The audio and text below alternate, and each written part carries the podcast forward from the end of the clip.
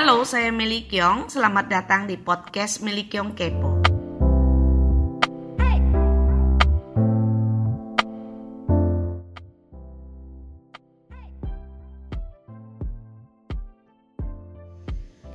Saya jadi ingat pertama kali saya ketemu sama Bu Elis uh, via telepon sebenarnya. Jadi Bu Elis telepon cuman hanya bertanya kira-kira apa sih yang dia bisa lakukan ketika dia melihat seorang ibu yang memukul anaknya di depan begitu banyak orang tepatnya di dalam mall.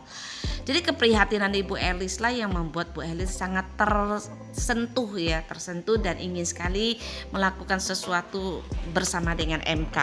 Nah, kira-kira seperti apa sih dan bagaimana supaya Bu Elis itu bisa terlibat dan kita dengarkan uh, apa sih cerita dari Bu Elis dan pengalamannya dalam mendidik buah hatinya serta bagaimana dia melibatkan keluarga-keluarganya. Dengarkan ya. Terima kasih. Halo Bu Elis. Halo Meli. Ya, apa kabar? Baik. Nah, Bu Elis boleh cerita dong, Bu Elis tuh udah berapa lama nih kira-kira kenal sama MK gitu. Terus berapa lama, uh, berapa lama coba kira-kira? udah berapa lama ya? Hmm, mungkin waktu itu adalah waktu itu pas lagi pembentukan MK kali ya. Berarti masih udah berapa tahun ya? Udah lebih dari lima tahun ya pasti ya. Uh, sekitar begitu waktu itu saya ketemu Melinya waktu di Cetia ya saya masih ingat betul gitu. Oh, ah, ah, ketemu di Cetia ya. Ah, ah, iya. Nah ini uh, ada yang menarik sekali nih uh, Bu Elis ya waktu saya inget banget waktu itu Bu Elis tuh telepon saya gitu kan yang Bu ah. Elis tanyakan itu jadi bukan masalah tentang anak-anaknya Bu Elis nih tapi waktu itu Bu Elis bertanya sama saya barusan Bu Elis lihat di mall ada orang tua yang uh, berlaku kasar terhadap anaknya kira-kira apa yang Bu Elis bisa lakukan kira-kira kan kayak gitu ya saya saya kalau saya nggak lupa ya. oh, oh, oh, oh, iya iya iya, ah, iya, iya. nah coba boleh boleh boleh boleh kasih tahu sih maksudnya Kenapa sih Bu Elis kok merasa tertarik gitu untuk perhatikan hal-hal seperti itu? Uh, uh, iya, uh, mungkin ceritanya begini. Um, saya kan mungkin saya cerita dari awal ya, saya ya, kenal ya. Bu Meli ya gitu okay, kan. Okay. Jadi ceritanya gini, uh, waktu di Cetia itu kan saya dikenalin ya sama ponakan hmm. bahwa ini ada ada Meli Kyung katanya Bu Meli Kyung yang mau ini nih bawain acara waktu itu.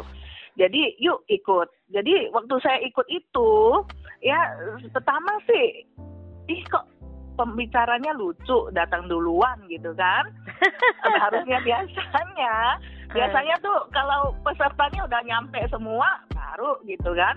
Dan saya abis itu saya dapat uh, mas apa uh, apa yang diceritakan Bu Meli itu saya merasa loh kok mengena sekali gitu dengan dengan lingkungan dan segalanya gitu kan. Mm. wah saya merasa wah ini nih kayaknya cocok nih gitu hmm, merasa terpanggil lah ya uh, terpanggil, terpanggil gitu ya bahwa ada Masa, sesuatu yang bisa ah, dilakukan uh, ya waktu itu kan saya juga belum begitu uh, gimana caranya waktu itu masih masa PDM kali ya. Ya betul. Jadi selalu mendeng, apa, mendapat request waktu itu karena sempat juga dikasih nomor telepon gitu waktu mm. itu. Nah, nah dari situ kan saya selalu kan loh jadi suatu hari saya ke mall gitu kan, mm. saya melihat gitu kan, wah ini anak kok orang tuanya tega-tega amat gitu loh di depan uh, uh, tempat rame begini menghakimin anaknya gitu.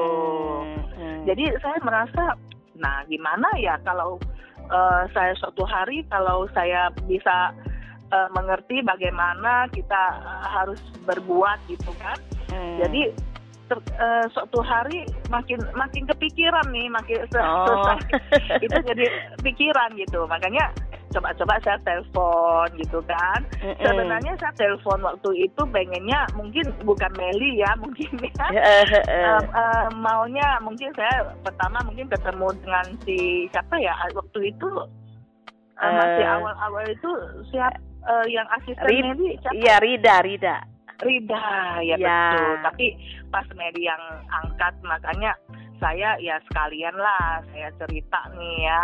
Saya Hmm. merasa gimana ya? Kenapa em, apa i- orang tua ini seteganya itu menghakimin anaknya di depan umum seperti ini gitu loh. Seperti itu kan? Ya. Ah, seperti itu. Jadi ya sejak itulah ya saya banyak berba- belajar, belajar dari Mary dan Broket Mary itu. Nah, saya makin hari makin mengerti gitu. Mm, Ya harusnya kita jadi orang tua harus bagaimana.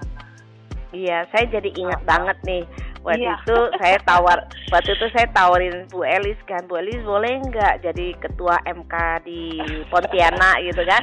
Waktu itu Bu Elis bilang enggak, anak saya udah besar besar gitu kan. Nah, iya Gitu. betul. Nah, Mm-mm. Tapi tapi saya bilang eh, waktu itu kalau saya Bu Elis bilang, aduh jangan saya deh, saya nggak pernah berorganisasi gitu kan. betul. iya betul betul. Jadi saya jadi ingat Hmm. banget.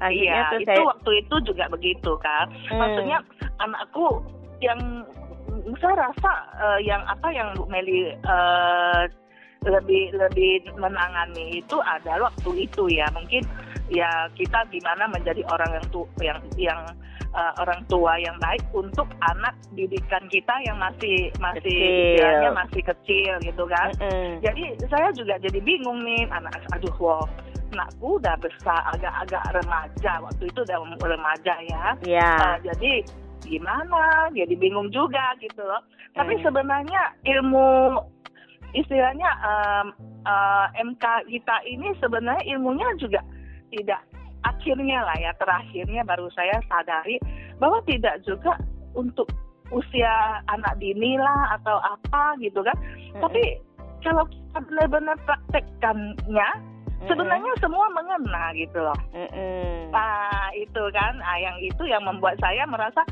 oh ya, sebenarnya enggak juga akhirnya sih. Nah, kira-kira Ya, nih kalau misalnya eh, Bu Elis kalau misalnya kita tarik mundur nih ya, tarik mundur gitu. Ada nggak sih ada nggak sih ke- keinginannya Bu Elis bilang, "Aduh, dulu waktu anak saya masih kecil mungkin ada kesalahan saya dalam pola mendidik anak saya." Terus akhirnya eh, akhirnya ya maksudnya maksudnya kita sebagai orang tua tetap baik, tetapi kan anak-anak tangkapnya tidak demikian gitu. Hmm, An- andaikan bisa dimasuk ke, ke dalam perut lagi dan diubah lagi kira-kira mau nggak? mau. Iya benar benar. Makanya Eh. saya selalu merasa gitu. Kenapa Eh, kok telat ya? Gitu loh. Maksudnya tuh telat tahu. Maksudnya seperti ini tuh saya rasanya telat. Tapi telat-telatnya tuh, tapi saya masih bersyukur bahwa saya masih kesempatan gitu kan.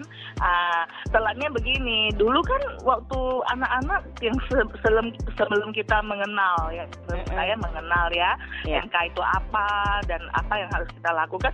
Kadang kita bingung sendiri gitu. Kita jadi orang tuanya bingung sendiri karena tidak ada arahan gimana gitu. Kita jadi orang tua gitu loh. Jadi kadang an- kalau lagi eh, nakal-nakalnya justru kita ya salah satu ya kita menghakimi ya Hmm. tidak langsung pasti itu yang kita bisanya gitu kan Ah, tapi terakhir eh, setelah kita sudah di di MK ini baru kita sadari bahwa kita tidak perlu sih sampai begitu gitu kan kita harus bisa mendengarkan dengan baik apa sih keinginan anak itu kita menghakimin dia pun ya Hmm. dia juga nggak bakalan diem dan dan akan tidak nakal dia akan lebih nakal dan lebih nakal lagi gitu loh. Karena Hmm. dia juga tidak dapat solusi solusinya gitu kan. Apa sih eh, yang dia harus bagaimana? Kan kita juga nggak bisa nggak ngerti waktu itu gitu loh. Nah setelah kita sudah mengenal MK lebih banyak lebih tahu ya banyak dapat info dan segalanya dari Meli jadi ngerti gitu oh ya harusnya kita tidak seperti itu. Dan sekarang pun anak-anak tahu gitu kan. Dulu mama dikit-dikit pakai ini istilahnya lidi lidi lidi lidi lidi lidi. Eh, eh, jadi mereka juga akhirnya tahu gitu bahwa Harusnya sih tidak seperti itu, tapi ya kita paling ya minta maaf waktu itu juga eh, kita eh, masih belum mengerti gitu loh. Uh, kita harus bagaimana uh, untuk mendidiknya yang baik gitu. Ya. Tapi syukurlah mereka masih ya walaupun pernah kejadian seperti ini, mm -mm. tapi ya tapi Mas. benar Beli, um, mm -mm. Uh, tetap mereka ingat ya apa ya. yang sudah kita uh, rekam istilahnya mereka merekam gitu loh yeah. Iya. uh, peristiwa-peristiwa apa gitu ya kenakalan mm. mereka itu yang kita hakimin atau apa mereka masih sering sih uh, cerita gitu iya mm -mm ya artinya nih artinya walaupun uh, maksudnya di dalam usianya uh, Bu Elis yang sudah punya anak yang besar besar gitu artinya tetap belum terlambat ya dan iya betul dan saya kan termasuk orang yang mengerti di dalam kehidupan keluarganya Bu Elis nih bagaimana anak-anak ya bagaimana ya, suami iya, gitu ya uh, uh, saya betul, sendiri betul. pun saya sendiri pun itu merasakan gitu ya setiap kali pertemuan-pertemuan uh, kita itu bisa menurut saya itu memang banyak sekali perkembangan ya khususnya dari suami ya yang tadinya sangat diam sekali gitu ya. Betul. Jadi saya tuh ngerasain aduh memang kenyamanan itu uh, semakin saya rasakan gitu ya setelah kita ber, berkali-kali kita ketemu dan komunikasi betul, betul. dengan anak-anak juga luar biasa gitu ya. Iya uh, uh jadi nah, terarah lah sekarang ya, istilahnya saya jauh lebih banyak gitu. saya juga sangat banyak sekali belajar dari Bu Elis ya bagaimana anak-anak itu bisa uh, bertumbuh dengan karakter yang sangat bagus kalau dilihat dari kepedulian uh, antar kakak adik dan lain-lain itu itu tentunya sudah ada benih-benih yang memang sudah ditanamkan dari dari anak-anak sejak kecil gitu ya. Ah, sekarang ditambah lagi dengan adanya mindful parenting tentunya akan menjadi uh, lebih baik ya gitu. Iya, iya itu sih udah pasti ya Medi. Itu ya. memang udah terasa sekali gitu ya, ya di dalam keluarga, di dalam uh, antara mereka juga istilahnya uh, anakku kan tiga laki. Ya. Jadi setidaknya mereka bisa saling mengayomi istilahnya hmm. ya bisa saling membantu misalnya ada apa uh, apa ada masalah apa mereka akan kompromi dengan baik. Itu pun yeah. memang berkat berkat lah ya istilahnya itu dari uh, mindset parenting yang selama ini kita pelajari kita apa kita terapkan ke mereka gitu. Ya kadang saya pernah juga satu kali ini pengalaman saya. Pernah saya selalu mem mem membuat mereka selalu mendengarkan dulu apa yang uh, di ini ya yang kita apa e, ngomongin atau apa gitu atau mereka ngomongin kita selalu mendengarkan dulu. Pernah satu kali um, ada masalah apa ya? Maksudnya tuh mungkin karena uh, panik atau apa gitu loh. Jadi saya lebih kepo ya lebih banyak ngobrolnya gitu se sebelum mereka tuh mengungkapkan selesai sampai anak-anak bilang tenang mah tenang dengarkan dulu malah mereka yang menenangkan saya gitu kan. Tenang mah mendengarkan dulu gitu kan istilahnya kalau sesudah itu baru ini gitu. Pernah satu kali saya jadi saya teringat lah ini yang sering saya terapkan ke mereka nih. Berarti mereka ini benar-benar udah mengikuti apa arahannya tuh yang benar gitu jadi mendengarkan itu karena pas hari itu kita uh, mau cepet gitu kan hmm. jadi dia belum selesai saya agak memotong sedikit sih hmm. ngomongan dia gitu kan akhirnya dia muter balik mendengarkan dulu mah berarti M MP itu MP itu MP bisa itu menjadi biasa, warisan ya biasa ya terus luar gini biasa, ya. kalau saya melihat kalau Bu Elis dalam kegiatan sehari-hari dan dan yang sangat saya kagumi itu adalah Bu Elis tuh bukan hanya buat keluarga sendiri sampai saya lihat juga kakaknya ya kakaknya keponakannya semua tuh diajak masuk MK gitu ya. Nah kira-kira apa sih tanggapan dari keluarga itu? Mereka mau ngikut karena melihat perubahan dari Bu Elis atau apa? Hmm, apa ya? Sebenarnya gini, saya saya sendiri pribadi yang juga uh, mengajak gitu loh mengajak mm -hmm. karena saya merasa bahwa kita semua harus punya walaupun saya saya adalah anak paling kecil bungsu istilahnya kan berarti yeah. kakak-kakakku tuh lebih lebih besar lebih tua dan tua sekali istilahnya ada yeah. sebagian gitu kan yeah. hmm, saya uh, memberi ke penjelasan ke mereka bahwa uh, ini uh, MP ini mindful parenting ini tuh bukan hanya untuk uh, yang muda gitu loh. Hmm. Yang tua juga butuh gitu loh. Hmm. Uh, perlu gitu kan. Kenapa? Nanti punya cucu, punya mantu, punya apa semua itu ada kaitannya di dalam gitu loh.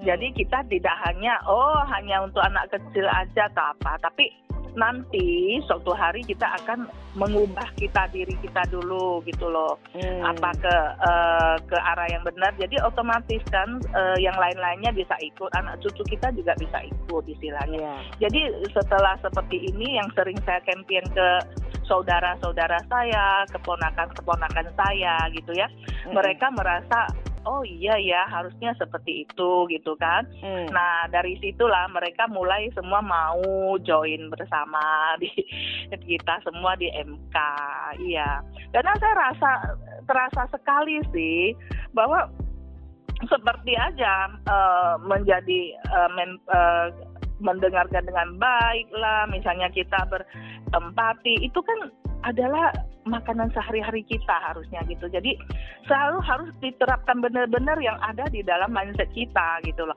Kalau kita bisa menerapkan di dalam mindset kita seperti itu, cara bicara, cara segala tindakan kita kan akan terkontrol dengan baik segala emosi otomatis kita akan jadi lebih sabar kan emosi kita terkontrol dengan baik nah yang itu yang saya rasakan di situ makanya saya mengajak awalnya awalnya saya mengajak dulu keluarga saya hmm. yang uh, menjadi membernya di MK gitu sambil teman-teman semua gitu tapi ya mau dibilang mereka aktif atau kadang kita juga nggak bisa ini ya ya nggak apa-apa gitu. -hmm. tapi yang jelas yang jelas kayak gini bahwa bahwa uh, ini tuh bisa sangat berguna ya buat setiap uh, generasi ya sepertinya ya. Hmm, iya gitu. iya betul hmm. betul. Jadi okay. tidak tidak memikirkan bahwa uh, ini harus generasi yang akan datang ataupun apa, tapi semua generasi itu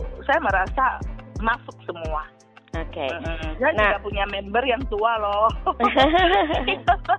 Dari teman-teman mama mertua saya juga mereka iya. bilang saya juga mau gitu ikut gitu. Uh, hebat ya. itu oke okay. uh -uh. uh, terakhir nih uh, Bu Elis gitu. Uh, apa yang Bu Elis sharing ini kan tentunya akan sangat menginspirasi teman-teman MK di seluruh Indonesia. Bahkan yang di luar MK di seluruh Indonesia juga gitu ya. Nah kira-kira pesannya nih yang yang ingin uh, Bu Elis sampaikan kepada orang yang mendengarkan nih kira-kira apa yang ingin Bu Elis sampaikan untuk uh -huh. untuk mindful parenting ini?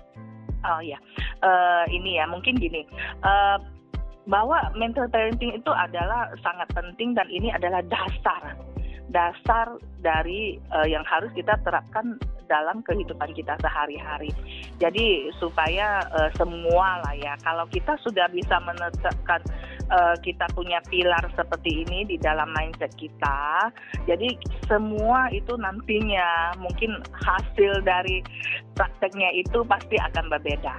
Mm-hmm, pasti positif, sangat positif gitu loh. Hmm. Jadi bol semua dari istilahnya ya seluruh Indonesia lah ya kalau bisa uh, belajar lah gitu ya supaya hmm. kita semua baik yang kita bisa menetapkan uh, semua hal hal kebaikan kita itu lewat uh, kita punya mindful parenting karena itulah dasar dasar kita gitu loh uh, istilahnya uh, supaya kita bisa uh, berbuat untuk anak-anak kita di masa depan, cucu-cucu kita dan generasi-generasi yang akan datang gitu loh.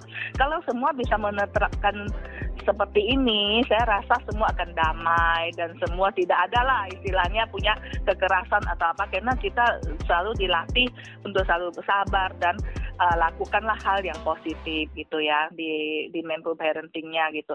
Tapi yang penting tuh kita harus menetapkannya lima dimensi ini dulu gitu kan, hmm. supaya kita benar-benar sudah uh, di di luar inilah semua uh, apa nara kita tuh sudah masuk benar-benar ke pikiran kita baru hmm. kita bisa uh, lakukan hal jadi saya sih berharap semua orang atau semua yang mengenal MK coba salah satu adalah kita punya uh, pilar ini semua kita tetapkan dulu, kuatkan dulu dalam diri kita kita masing-masing. Oke, terima Nah, kasih banyak ya Bu Iya, Elis. Eh, harap kita semua berharap dan kita semua mau eh, memperjuangkan bersama-sama kalau mindful parenting itu ada di setiap rakyat Indonesia ya. Betul, Jadi betul, biar betul, kita betul. tuh bisa Mm-mm, hidup iya. dengan lebih damai di negara kita yang tercinta Iya, ini ya betul, Bu ya. betul, betul, betul, Oke, iya. terima kasih banyak Bu Elis. Selamat Iya, siang. Sama-sama, selamat siang. Terima kasih sudah mendengarkan podcast Meli Kiong. Kamu bisa follow saya di sosial media Meli Kiong, fanpage-nya Meli Kiong, IG-nya Kiong Meli, YouTube-nya Meli Kiong. Jika ada yang ingin berbagi cerita tentang keluarga, silakan DM saya di IG atau di medsos lainnya. Nanti cerita yang menarik akan saya baca dan ditanggapi di episode podcast Meli Kiong Kepo. Podcast Meli Kiong ini bekerja sama dengan satumeja.com. Sampai jumpa di episode selanjutnya. Terima kasih.